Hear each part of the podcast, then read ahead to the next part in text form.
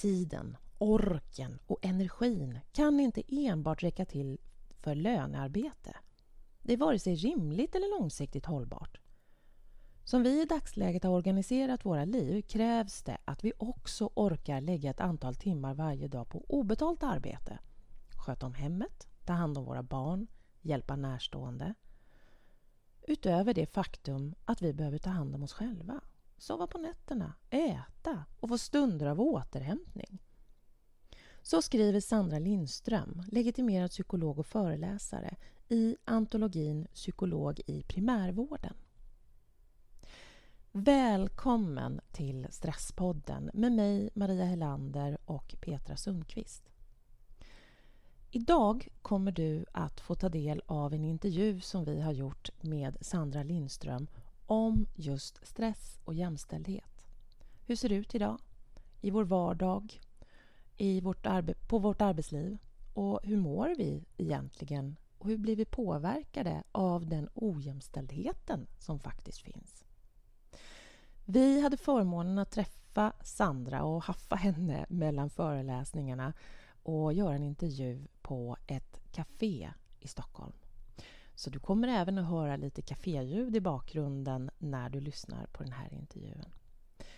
Men precis som Petra och jag så tror jag att du kommer att fascineras och förundras och bli lite skakad över hur det faktiskt ser ut idag och hur du kan bli påverkad av den här vardagen som du lever i.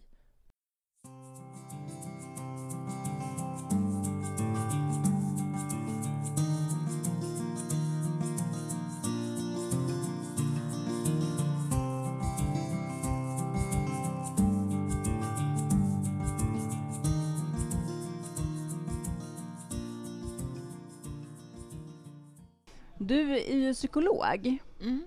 och har ju tidigare jobbat med klienter. Jajamän, det Men, stämmer. Väldigt bra. Vad gjorde att du tog steget till att börja arbeta så här istället med stress och jämställdhetskopplingen och mer på ett strukturellt plan? Ja, men om man skulle säga jämställdhet och liksom genus och frågan om kön, det har jag varit intresserad av länge, liksom ända sedan jag gick psykologprogrammet. Och sen har jag hunnit jobba som klinisk psykolog ganska många år inom lite olika verksamheter. Men de sista åren innan jag började jobba med eget företag och jobba med, med strukturella perspektiv på stress mm. så jobbade jag på en företagshälsa. Jag okay. träffade enormt många människor varje dag eh, som hade blivit då svårt sjuka av stress och utmattning. Mm. Och det är ju ett jätteviktigt arbete. Jag tänker man som man gör som klinisk psykolog, jobba med rehabilitering och hjälpa till liksom att få folk att kunna komma tillbaka i arbete och må bra igen. Mm. Men någonstans på vägen kände jag också att det här är orimligt, för jag kunde också se att mina vänner och kollegor, psykologer, läkare också blev utmattade, liksom gick in i väggen. Så att personerna som ska hjälpa folk att bli friska blir också sjuka liksom, när mm. de gör det arbetet. Mm. Uh, och jag jobbade också och är väldigt intresserad av arbetsmiljö. Och där mm. kunde jag också se att många av de som insjuknade hade kunnat bli hjälpta med hjälp av liksom förebyggande insatser, ganska små. Uh, och det blev också en frustration där jag kände att nej, men jag, jag vill jobba med förebyggande arbete. Jag vill jobba med, med arbetsmiljö, med arbetsgivare och också med samhällsperspektivet på stress. Mm. Men vad, vad innebär det egentligen att göra det? Hur kan det, man förebygga på den nivån? Ja, för mig innebär det att jag jobbar inte med efterskedet, alltså inte jobbar med rehabilitering och när man redan är sjuk, utan att liksom utbilda arbetsgivare om tidiga signaler, om hur man kan bygga upp en arbetsmiljö. För vi vet ganska mycket om friskfaktorer och riskfaktorer i arbetsmiljö. Eh, så att det är sånt som jag jobbar med, att, att utbilda och hjälpa arbetsgivarna att hitta sätt att faktiskt förebygga att deras anställda blir sjuka. Men sen har jag också det här intresset för jämställdhet och det som ni sa, det är ju inte bara på jobbet vi stressar. Mm. Utan jag kunde också se det här, liksom, ja, men hur den här dubbla arbetsbördan som faktiskt ofta landar på kvinnors axlar i vårt samhälle också påverkade väldigt mycket när det gäller stressproblematik. Mm. Och det är ju verkligen eh, mest kvinnor som är sjukskrivna för stressrelaterade mm. sjukdomar. Mm. Ja. Ändå. Är kvinnor mer sköra? Det där är ju en fråga som jag lyfter i Mm. min föreläsning, för det är ju en väldigt vanlig fråga. Man, så här, man lägger pannorna i en vecka och så funderar man, ja, men beror det här på att kvinnor är mer sjukskrivna, på att de är lite mer sköra? De kanske inte liksom klarar av att vara ute i yrkesarbete och så, de ska bara vara hemma. Liksom. Men det kan man verkligen slå hål på, för dels handlar det om att vi har en enormt könssegregerad arbetsmarknad. Så män och kvinnor befinner sig i ganska olika arbetsmiljöer på dagarna. Och där vet vi att vård och omsorg, till exempel, där kvinnor befinner sig, överhuvudtaget offentliga liksom, eh, kommun och landsting, där kvinnor jobbar mycket högre utsträckning, Mm. har också mycket, mycket sämre arbetsmiljöer med mycket, mycket fler riskfaktorer för att bli sjukskriven. Som vad då? Vad är riskfaktorerna där då, menar du? Riskfaktorerna handlar ju om sånt som eh, Ja, men att man liksom har uh, ofrivilliga deltider, osäkra anställningar. Man har sämre löner, man har, eh, har liksom hö- jättehöga krav på sig. Det är ofta man jobbar med människor, så höga krav men man upplever en ganska liten kontroll. Mm. Och så brukar jag prata också om det här nyckeltalet, att inom kvinnodominerad sektor så har man ofta, cheferna, otroligt många underställda. Alltså de har väldigt många medarbetare. Mm. Eh, det här gäller framförallt i kommunala verksamheter. Och det vet man att det är en riskfaktor. En chef som knappt vet, alltså den har så många anställda så att det liksom inte hinner hjälpa och stötta. Det är en jättestor riskfaktor. Är det mi- mindre i eh, mansdominerade yrken då, menar du? Mansdominerade yrken, där vet man att det finns mer av de här friskfaktorerna. Tryggare anställningar, bättre löner, bättre arbetsmiljö generellt. Alltså att man har, man har färre anställda per chef. Man har mer liksom av de, de friskfaktorer som vi vet finns. Mm. Mm. Mm. Ja, så vi har en jätteojämställdhet redan där under Ja, arbetsdagen. Ja, absolut. Så. Redan under arbetsdagen kan vi se en väldigt stor förklaringsmodell liksom, till varför kvinnor är mer sjukskrivna. Men det är inte heller hela sanningen. Eh, och det är ju också det som bland annat Försäkringskassan har kommit fram till i sina analyser, att det går inte att säga att det bara beror på en enda sak. Att kvinnor är mer sjukskrivna och att sjukskrivningarna har ökat så mycket under det senaste året. Nej. Men innan vi går in på det här mer i hemmet och vardagen så Mm. undrar jag om vi nu skulle ta en näve män och stoppa in eh, i hemtjänsten eller Mm. på Mm. äldreboendet. Mm. Hur skulle vi se då att männen gick också sönder mer eller? Absolut, Ja. så är det. Mm. Utan tvekan. Och det kan man absolut se. Stoppar vi in män med exakt samma förutsättningar, Mm. då hamnar de ju direkt i riskgrupp för Mm. att bli sjukskriven Mm. för stress, utmattning och så vidare. Så våran arbetsvardag alltså Mm. gör de här enormt stora skillnaderna, alltså Ja. vilka, vilka paket vi går hem med Ja, från ab- arbetsdagen. Absolut. Alltså det är jäkligt läskigt alltså, Mm. tycker jag. Ja, men det är det. Jag får så här rysningar nästan. Mm. Det är så otroligt viktiga jobb ändå. Ja, verkligen. som kvinnor utför varje dag. Det- Alltså inom skola och vård och Mm. omsorg Det, överhuvudtaget. det är ju, Mm. jag tänker att det är yrken som får vårt samhälle att gå runt. Ja, exakt. Eh, Det är de här människorna som vi lämnar våra barn till. Liksom, jag Ja. menar all eh, Mm. personal som jobbar på skola och Mm. förskola och så vidare. Och våra föräldrar. Och våra föräldrar, exakt. Ja. Det är liksom grundbulten för vårt samhälle och det är så undervärderat och de jobbar Mm. i så risiga arbetsmiljöer. Ja. Mm. Mm. Ja, men och då knallar vi hemifrån eh, jobbet då. Mm.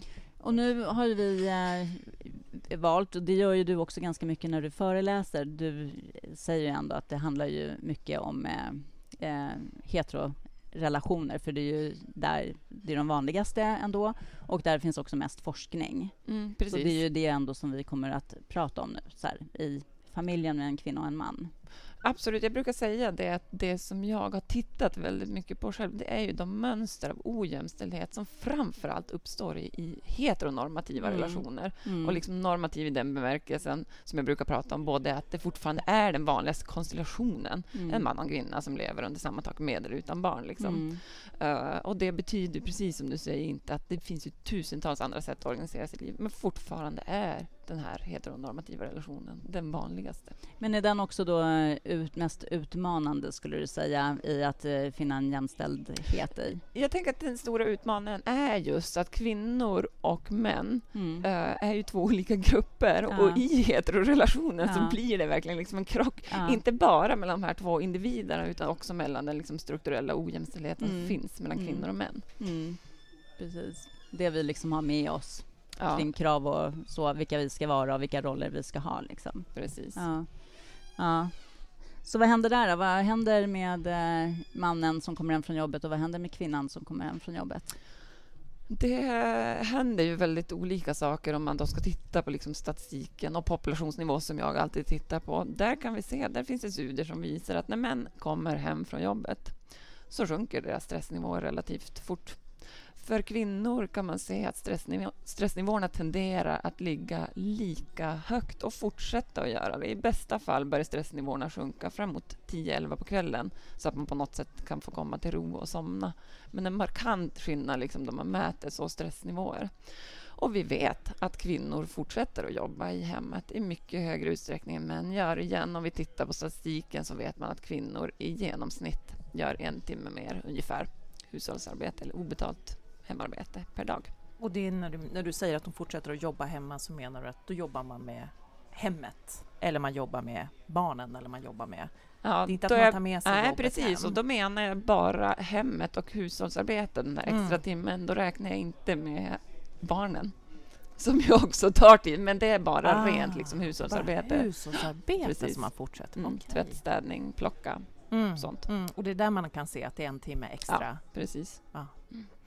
Även om man säger att man, man har det. Men ja, det är, alltså det är många som säger att vi har en jämställd relation vi hemma. Så, men det, man ser det genomsnittligt att det ändå Precis, mm. man ser det genomsnittligt. Mm. Man har också kunnat se liksom att även par som upplever sig som väldigt jämställda och som utåt sett beskriver sig som mm. jämställda, när man går in och liksom räknar och mäter och tittar så är det väldigt, väldigt sällan jämställt fördelat. Men känslan kan ändå vara att det är så. Liksom. Det är jätteintressant. Mm. Uh, ja. Men vad, det här, då, det här var, handlar då inte om barn, men om vi plockar in en barn i den här relationen, hur, hur ser det ut då med jämställdheten? Då blir det ju tyvärr ännu sämre. För jag brukar säga att barn är fortfarande kvinnors ansvar och mäns tillval det är kvinnor som är, liksom, tar hand om våra barn, alltså en väldigt, väldigt stor majoritet och väldigt stor del. Mm, om man tittar på en sån liksom, grej som föräldraledigheten så tar ju män fortfarande ut mindre än 20 procent av de totala föräldradagarna innan barnets tvåårsdag. Är det så stor skillnad ja. fortfarande? Ja, och då har vi ändå liksom alla ja. möjligheter att ja. dela hur jämnt vi vill. Mm. Eh, men det händer inte så mycket, tänker fastän vi liksom upplever att ja, vi kan göra hur vi vill och vi är ju jämställda. Och ändå liksom slumpar det sig att det faller så här gång på gång. Och då vill jag säga, när jag säger slumpar sig, så menar jag att det, det, det är ingen slump. Utan det är ju ett av de här liksom normativa mönstren som går igen. Ja, alltså det, det, som är mest läskigt, förutom då att eh, kvinnor går sönder av allt det här, är också att vi, det blir att vi eh, upprepar ju mönstren hela tiden till våra barn också. Mm. Det kommer ju ta en otroligt lång tid innan det liksom händer någonting på riktigt med Absolut. jämställdheten. Om vi inte själva också bara går in och släpper och männen kliver in. Ja, men visst, för jag tror att det är en fara då du säger det med, ja, men, till våra barn. Liksom. För det tror jag är en fara och lite det som ibland kan göra att vi inte når längre än vi gör. Det, det är lite grann många av oss tenderar att resonera så. Ja, men våra barn kommer lösa det här. Nästa generation kommer lösa det här. Mm. Och det är precis som du säger. Nej, men så kan vi ju inte göra. Det är vi som är vuxna nu som måste liksom arbeta och agera för att kunna lämna över någonting bättre till våra barn, tänker mm. jag. Uh, och faktiskt också låta dem få växa, växa upp i någonting eh, som är bättre, tänker jag. Mm. Men hur har det blivit så här, va? åtta timmars arbetsdag och åtta timmars sömn och nej, åtta timmars fritiden, den, den har liksom försvunnit för i alla fall för kvinnorna. Och sen är det inte åtta timmars arbetsdag för många heller, utan det är ju längre dagar många mm. gånger. Men det där är ju så himla spännande om man ser på det ur ett historiskt perspektiv. Så när liksom kampen för välfärd infördes, som ju var en fantastisk kamp, så ska man komma ihåg att det, ändå, det var en stor andel män som liksom förde den kampen. Om rätten till åtta timmars arbete, åtta timmars fritid, mm. åtta timmars sömn var ju liksom, det var ju så här slagorden. Liksom. Mm. Men grejen var att då glömdes allt kvinnojobb, alltså det osynliggjorda kvinnojobbet bort. Omsorg, barn, våra hem.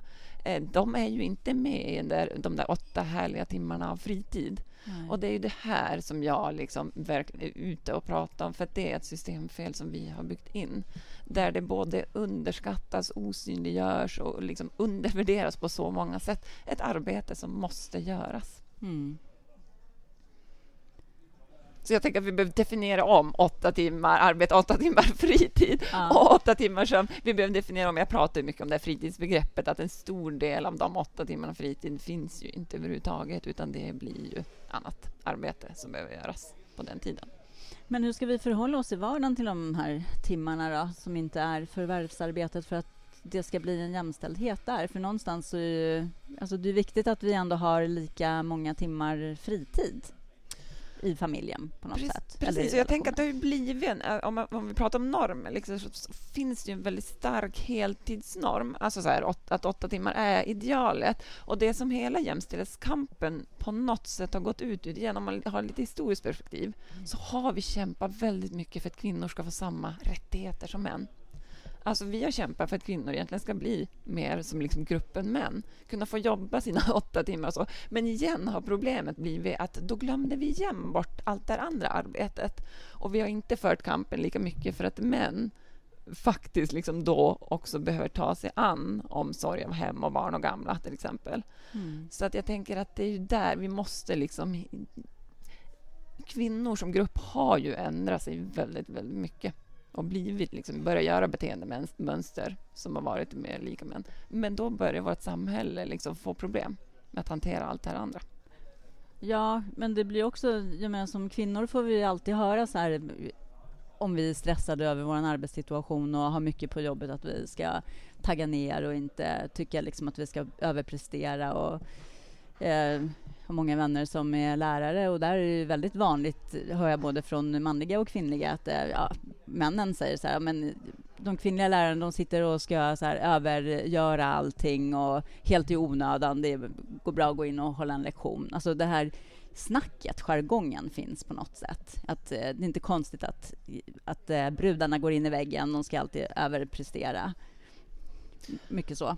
Precis, och det här tänker jag igen, det hör ju ihop med liksom den här ojämställda strukturen som vårt samhälle är uppbyggt på. Det, det är liksom uppdelat på två delar. Mm. Dels det att män och kvinnor alltid ska ses som otroligt olika varandra, alltså att könen ska vara separerade. Det är liksom en, en norm som vi har haft väldigt länge. Men också det här att allt som förknippas med feminin, feminitet eller liksom kvinnlighet har alltid liksom löjliggjorts, nedgjorts och eh, så vidare.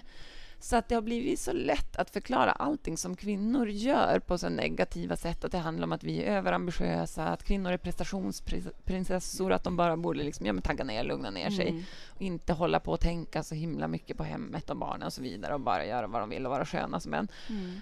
Så.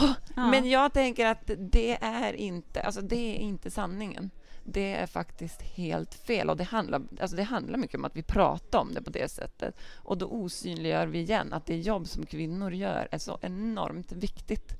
Mm. Det är alltså att leva i ett hem som ser ut som en soptipp, att ingen liksom vet var kläder finns, att det inte handlas hem mat, att ingen vet vad som ska finnas till middag, eh, ingen vet var räkningarna finns. Alltså det blir också en enorm stress. Så att det finns jätte, jättemycket arbete som måste göras för att vi ska få liksom en, en dräglig livsmiljö. Ja. Och de uppgifterna hamnar ofta på kvinnor. Mm. Och då heter det att eh, gör bara det du vill. Nu när du säger det här ja. att eh, ja, alltså jag tror att många som lyssnar på det här känner igen det där och har hört det där. Mm. Gör det du vill, välj det du vill göra. Du måste inte. Det är precis som du säger. Det finns ju jättemånga saker som ändå faktiskt Ja, men måste. Alltså, ja, för att konsekvenserna vill vi ju inte ha. Det vill ju ingen i en familj ha. Nej. Nej, verkligen. Nej. Nej. men och det blir ju också... Alltså jag menar, det, det är inte långsiktigt hållbart att inte liksom orka göra det. Ja, men jag, brukar prata, jag pratar om obetalt arbete, så när Mm. jag pratar om strukturella, men när jag, Mm. pratar, jag har pratat med individer har jag ofta sagt det här med pliktaktiviteter. Och igen, de här sakerna som jag räknar upp är ju en del för att ku- kunna få ett normalt fungerande liv. Liksom. Mm. Det kommer att bli jättestora bekymmer för oss om vi är så trötta när vi kommer hem efter en arbetsdag så att vi inte pallar att liksom göra någonting mer. Då kommer det ganska snart att leda till bekymmer för oss. Men hur ska vi göra då? För jag tänker att det kanske, jag menar, när man pratar med människor runt omkring så kanske de har en uppdelning så här att eh, men jag lagar maten för jag tycker att det är roligt eller jag kommer hem först och jag kan inte tvätta så det gör min partner eller att det blir så här helt uppdelat bara kring sådana saker. Men sen så är det ju som du, som du nu är inne på så mycket av så här saker som vi faktiskt aldrig ens lyfter. Vem, vem tar tag i räkningarna och vem gör det här, eh, styr upp det totala kanske och Ja, sånt. vem har koll på Ja, men när vi ska åka dit Ja. eller vilken... Kalenderkollen eller Ja, vad som helst. Precis. Exakt. Ja. Ja. Eller vad som finns i kylskåpet eller var, Mm. man, var man lägger sina strumpor någonstans. Mm. Mm, Det är, ju, absolut. det är ju jättemycket information som man måste ändå... Precis. Jag menar, så, så platt organisation är liksom inte organisationen familjen oftast. Det behövs ju liksom ändå kanske någon som ändå har lite övergripande koll och det där är ju svårt att dela på på något sätt eller värdera också. Ja, precis. Och det är ju för att vi inte alltid tycker att det är bekvämt att prata om det. Och det är ju för att många tycker att det är lite så här jobbigt att prata om typ jämställdhet i en relation. Mm. Där vill man gärna resonera så att kärleken ska lösa allt. Vilket jag tycker är väldigt, liksom, det jag två må- skriver om i någon gång. månader. Ja, precis. Att kärleken liksom ska lösa det här med att betala räkningar och Ja. plocka upp skitiga sockar och, och liksom snyta barn. Det verkar ju skumt liksom. Så att jag brukar ju, alltså jag pratar jättemycket om det här som, ja men det ni pratar om brukar kallas ju för projektledarrollen. Mm. Alltså den som har det övergripande ansvaret, den som påminner, den som känner sig ansvarig. Det är ju jätteviktigt att synliggöra den och att prata om den, både så här som vi gör nu på samhällsnivå, så att alla bara fattar att ja, men det är klart att det tar jättemycket tid och energi att vara den som måste påminna och, och liksom följa upp och feedbacka och så vidare. Eh, och vi har ju till exempel, ja, jag och min partner, eh, har gjort så att vi lägger... Ja, men vi har haft svårt att få till det. Jag har liksom ofta också tagit på mig mycket av projektledaransvaret. Men då har vi gjort så att han får ta mer av de praktiskt konkreta, alltså typ 70 procent av de grejerna. Mm. För att faktiskt värdera det här andra, att man är den som bara liksom, ja, men, kommer ihåg, eh, styr upp liksom, på det sättet. Så att jag tycker att det, och det här blir ju jättemånga, för då folk tänker sig jämställt och bara, nej men då ska vi tänka, vi delar upp 50-50, ja men typ tvätten och städningen, det som är så konkret mätbart. Mm. Och så glömde de bort Mm. det här andra. Mm. Ja, men vem är det som ska följa upp att vi har gjort det här? Då? Vem är det som ska göra de där städlistorna? Eh, att man liksom inte tar med den tiden, men det, det måste man göra också. Men finns det någon sån här checklista då som eh, folk kan eh, checka av så man får med alla såna här saker? För det är ju inte ens så lätt att synliggöra för sig själv, eller hur? Det är så här, alltså man är ju van att det är osynligt. Ja, och så precis. förblir det liksom. Ja, men verkligen. Jag tänker man kan ju köra, antingen kan man ju köra liksom sitt eget race och bara, ja, men nu sätter vi oss ner och så listar vi allt som vi kan komma på liksom, i vårt hem och i vår familj, allt som behövs göras så. Mm. Men jag vet att det finns en jättebra checklista som något landsting i Skåne har. Alltså det men nu har jag inte... Vi får kolla upp det sen. upp det. Jag, liksom. Men de har en färdiggjord checklista som man kan Jaha. ladda ner, som Aha. är jättebra. Wow. Där de har väldigt många av de här punkterna. Liksom. Så att det, jag tycker att det är bra för att få lite koll, liksom synliggöra. För det är också ett sätt att möta, för mycket av det här som händer i de här heteronormativa relationerna framför allt, är ju de här liksom motståndsstrategierna. Att man som man kan kosta på sig att ha glömt. Mm. Eller man har aldrig hört. Mm. Man har inte förstått. Alltså, är ni med mig? Att man så här, har en massa skäl till varför man inte har gjort det. Nej, men det där har jag aldrig hört att man skulle göra eller att jag skulle göra. Men jag hör Men ju om- fortfarande alltså, pappor som eh, lämnar sina barn i förskolan. De säger ju själva så här, nej men eh, jag är farsa, det gjorde inget att jag glömde matsäcken, det kirrar eh, fröknarna. Ja, Så- just det. Det så här, alltså, Medan om jag som mamma skulle komma och lämna mina barn och har glömt matsäck eller regnkläder eller vad det nu är, då kan eh, jag ge mig på att det är bara...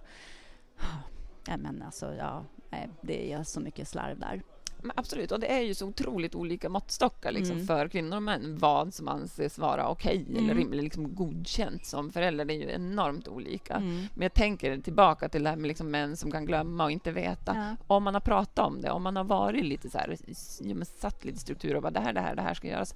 Då blir det nästan omöjligt att köra exakt den. Alltså det är svårt att komma undan med äran i behåll då Ja. och säga liksom att nej men det har jag aldrig hört. Bara, jo, det har du hört Ja. för vi har pratat om det. Precis. Alltså Det ni är med mig, man liksom också Ja. kan bemöta det på ett annat sätt om man Ja. faktiskt sagt att det här måste vi hjälpas åt med. Mm. Vi lev, skulle liksom försöka ha ett liv tillsammans. Mm. Um, så att jag tänker att det är också ett sätt att, att förebygga en massa så här, glida undan Mm. strategier. Liksom. Men nu när du säger så där så känner jag också bara så spontant att eh, det är så lätt återigen då som, eh, som kvinna där att ändå ha den där lilla rollen att ha kollen. Mm. Att någon överhuvudtaget, att mannen då skulle ha glömt. Mm.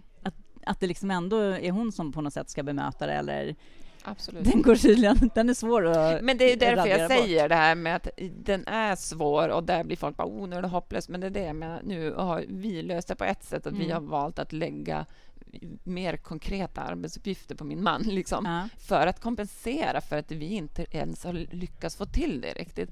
Och där tänker jag, kan vi bara våga vara lite mer flexibla? Kan man våga prova en sån grej? Ja. I- Och inte bara skrika åh gud vad orättvist. Men det är klart att jag vet att folk ser på mig som en väldigt speciell mamma. Alltså det Ja. blir ju inte jätteväl ansett liksom. Att Nej. de ser att han hämtar och lämnar mycket mer på, på liksom förskola och skola. Mm. Mm. Men lite grann tycker man att jämställdhet är viktigt. Då får man, tyvärr är det ju orättvist, för det är ojämställt. Så att du som kvinna kommer att, att få betala Mm. priset, tänker jag. Och så, det är inte så mycket att göra åt. Så inte nog med att vi liksom ska behöva ta en diskussion hemma och vara utan, utan man ska liksom mötas vad samhället tycker och Mm. anser. Bli lite skammad. Ja men precis, bli lite skammad eller så. För att jag tänker att det som du sa nu att men det finns olika, att man, nej, men det där har jag aldrig hört. Man har ju också hört samma argument som att nej men du vill ju ha det mycket renare hemma eller du vill ju alltid ha din specialmat eller så det är lika bra att du, alltså det finns ju hela tiden massor med argument som man möter i, Mm. inte bara i hemmet utan Nej. även utanför. Mm, mm, Ja. Och svårigheten i att faktiskt också möta upp dem. Mm. mm. Eh, Att man måste, jag tänker hur, hur, kan man, hur kan man stärka sig själv i den här delen? Kan man tänka så? Hur jag kan Men, men jag, jag tänker så här att, att förstå hur ojämställt vårt samhälle är. Alltså det är ju lite grann det jag håller på med. Det är därför jag liksom driver den här bloggen. Det är därför jag är ute och föreläser om det här. För det är ju att ge folk en, liksom, en annan förklaringsmodell. För väldigt många av oss, det enda sätt vi till slut kan förklara det här på är ju att det är, det är något fel på mig.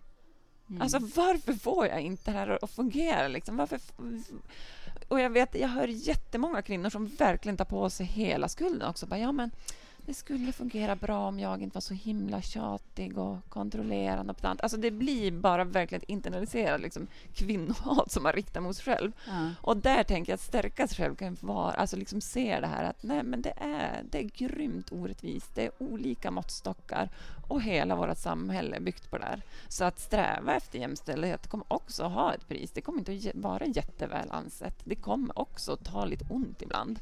Men jag vill inte bara liksom prata om det negativa för det kan också vara en enormt härlig känsla. Käns- en känsla av att vi, liksom, vi gör någonting i nuet.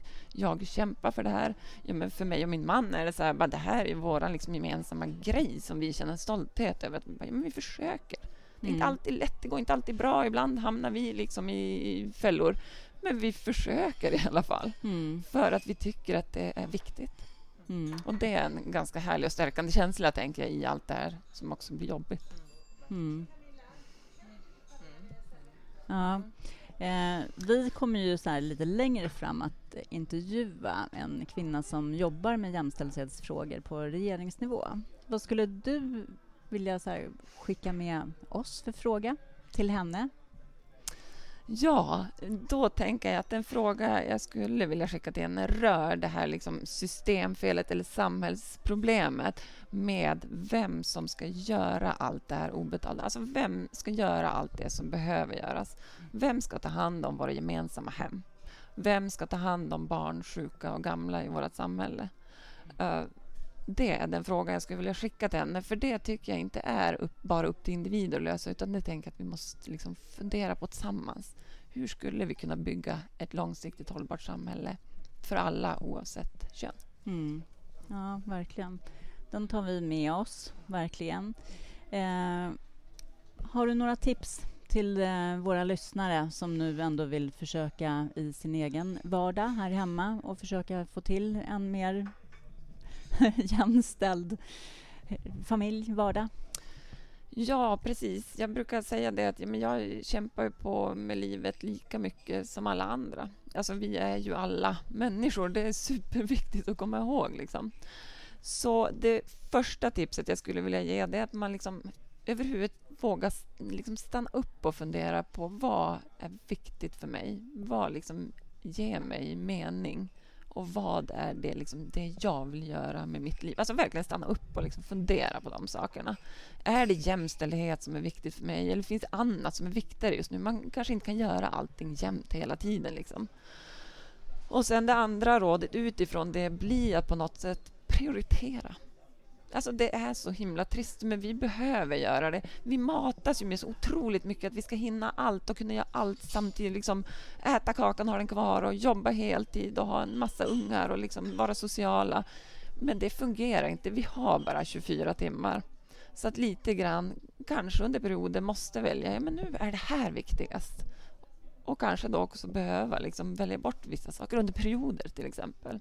Så att inte glömma bort att prioritera. Och den tredje saken jag vill skicka med det är att aldrig, aldrig prioritera bort återhämtningen.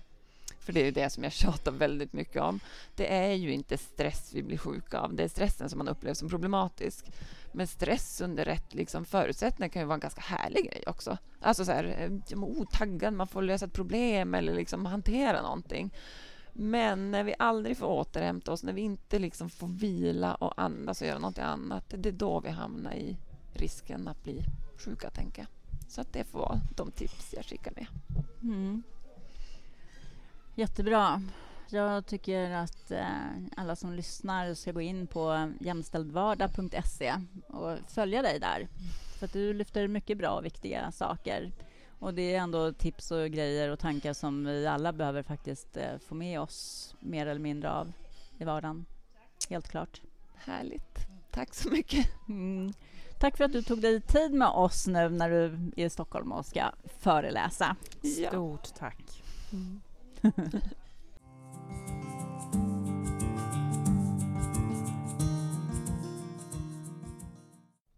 Om du vill lära dig mer om jämställdhet så gå in på Sandras hemsida jämställdvardag.se.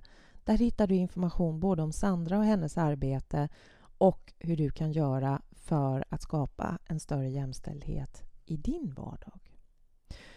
Självklart så får du också jättegärna mejla Petra och mig. Kanske berätta om hur det ser ut för dig i din vardag och på din arbetsplats. Och då mejlar du till info stresspodden.nu. Sök upp oss också på Instagram och Facebook där vi eh, uppdaterar dig om vad som, vad, hur vi gör, vad vi jobbar med på Stresspodden och, och lite dagliga tips om stresshantering. Tack för att du lyssnade. Vi hörs igen nästa vecka.